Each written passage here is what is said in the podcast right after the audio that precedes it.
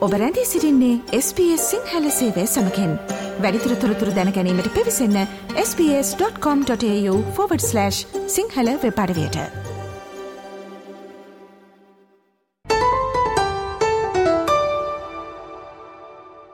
පසුගියදා උප්ට සායතනයට එල්ලූ සයිබ ප්‍රහාරය ඔස්සේ පාරිභෝගිකින්ගේ දත්ත සොරා ගැනීම සම්බන්ධයෙන් මේ වන විටත් යම් ආන්දුලනාත්මක තත්ත්වයක් පවතිනවා.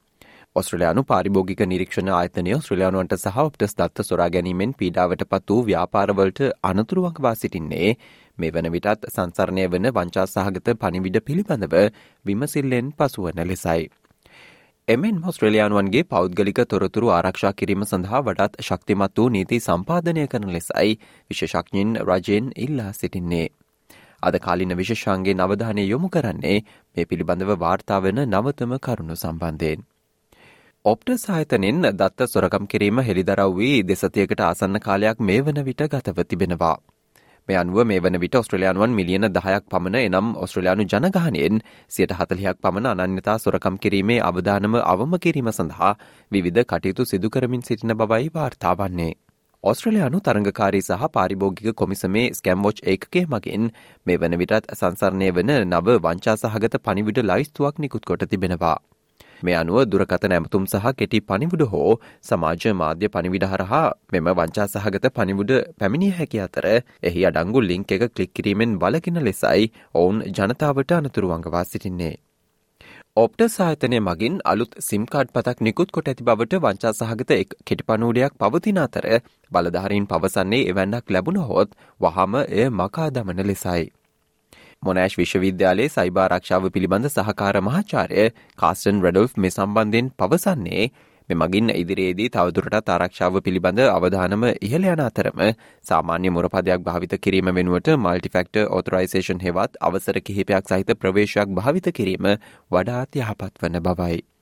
එමෙන්ම ඔබගේ විද්‍යුත් ඇපෑල හෝ ඔබගේ බැංකු කිනුමාදිය හැක්කිරීම මේ ඔසේ අපහසු වන බවත් මහාචාරය කාස්ටන් පවසනවා. Changing from just using a password to multi-factor authorization is definitely a good thing to do because it uh, makes it more difficult to, let's say, hack into your email or your bank account, etc. Because somebody trying to hack into it or misuse it would need the second factor as well. But in many cases, the second factor is just a text message to your mobile phone.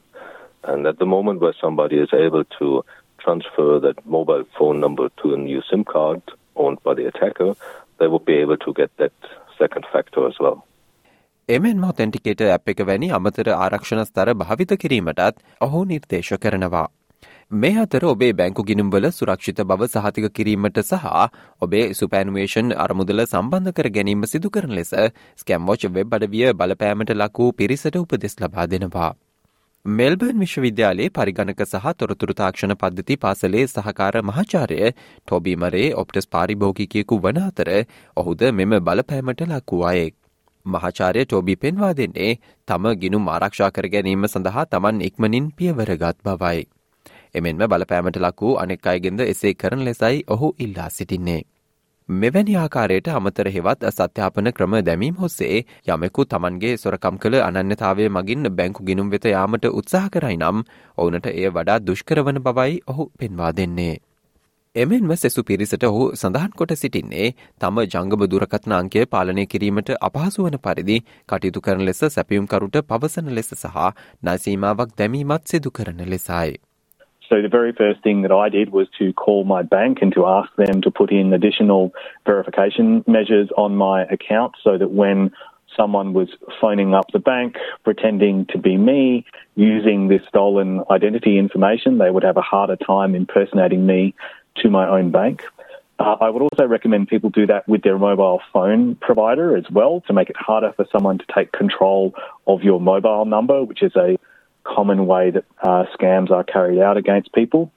And I would also recommend to people to consider taking out uh, a credit ban, which prevents people from applying for credit in your name for 21 days and then can be renewed in the future, as well as to subscribe to regular credit monitoring, which can be purchased for around about the cost of a Netflix subscription සොරකම් කරන ලද මෙඩිකයා සහ සහනාධාර කාඩ්පත් අංක හෙළිදර වූ පාරිභෝගිකෙන් තිස් හය දහසකට වැඩි පිරිසකගේ විස්තර ලබා ගැනීමට සතියක් සිටි බව රජය පවසනවා. ආධාරක සේවා සහ ගෙවීම් ලබා දෙන සර්විස් ඔස්ට්‍රලයා බලපෑමට ලක්වුවන් සඳහා ආරක්ෂාව දැඩිකිරීමට තොරතුරු අවශ්‍ය බවත් පවසනවා. නම් උපන්දින විද්‍යුත් පැල් ලිපින තුරකතනංක කලින් ගිනුම් හා සම්බන්ධ ලිපිනය සහ ඔබේ හැඳරුම්පත් ලේඛනවල අංක ඇතුළුව විශාල දත්ත ලයිස්තුවක් මේ වන විට සොරකම් කොට ඇති බවයි වාර්තා වන්නේ. එය මින් පෙර ඔප්ට සායතනය තහවුරු කළ සංඛ්‍යාවට වඩා ඇති විශාල සංඛ්‍යාවක් වන බවත් වාර්තා වනවා. ඔස්ට්‍රලයානු රහස්සතා පදන මේ සභහපති ඩේවිඩ් වේල් සයිබ නීති සහ ප්‍රතිපත්ති විශේෂඥයකු ලෙස ඔස්ට්‍රලයාාවේ සයිබ නීති ප්‍රතිසංස් කරන සමාලෝචන කිහිපයකට සම්බන්ධ වී තිබෙනවා. ඔහු මේ සම්බන්ධයෙන් පවසන්නේ පුද්ගල අනන්‍යතාවය සොරකම් කිරීමේ අවධානම පුද්ගලින්ට පැවරීම වෙනුවට මෙය ව්‍යාපාරික සහ න්‍යාමන පරිසරය තුළ නිසිලෙස කළමනාකරණය කළ යුතු බවයි. එමෙන්ම වෙනත් සෑම සංවර්ධිත රටකම මිනිසුන්ට මෙන් ඔස්ට්‍රලයාාවේ ආයතන වශයෙන් පාරිභෝගකයාගේ පුද්ගලිකත්වය ඕල්ලංඝනය කිරීමක් සිදුව හෝත් ඒ සම්බන්ධෙන් ආයතනය වෙත චෝදනා එල්ලවීමේ ක්‍රියාදාමයක් මෙහි දක්නට නොලැබෙන අතර මේ වන විට පවතින තත්වය නීතිමේ වශයෙන් ගැටලුකාරී වන බවත් ඔහු පෙන්වා දෙනවා. They've never done the thing that has been recommended for um, three or four decades, um, namely to give individual Australians, like people in every other developed country, the right to sue themselves for breach of privacy if something goes wrong. In Australia, we're essentially the odd one out, the, the only comparable country where really, if something goes wrong, all you can do is complain to the Privacy Commissioner. There is actually no dedicated privacy commissioner. Complain to this body we've been trying to abolish and we've underfunded and, and starved, and they don't have to take your complaint, and their decision's not binding uh, like a court decision would be otherwise. So it's a completely inadequate situation. දෙදහස් විස්සවසරේදී ඔස්ට්‍රලයානු මධ්‍යම රජයේ මයිගව් web අඩවිය සයිබ ප්‍රහාරයකට ගොදුරුවීමෙන් අනතුරුව මේ වන විට අනන්‍යතා සොරකම් සැලකයුතු මට්ටමකින් ඉහළ ගොස් තිබෙනවා. බදු සම්බන්ධයෙන් සෙන්ටලිංක් මෙඩිකයා ජාතික ආබාධිත රක්ෂණ යෝජනා ක්‍රම සහ සෞඛ්‍ය වාර්තා දත්ත තුන්දහස් හයිසයකට වඩා වැඩි සංඛ්‍යාවක් මේ වන විට ඩාක් වෙබ්වෙත මුදාහැර ඇති බවත් අනාවරණය වී තිබෙනවා.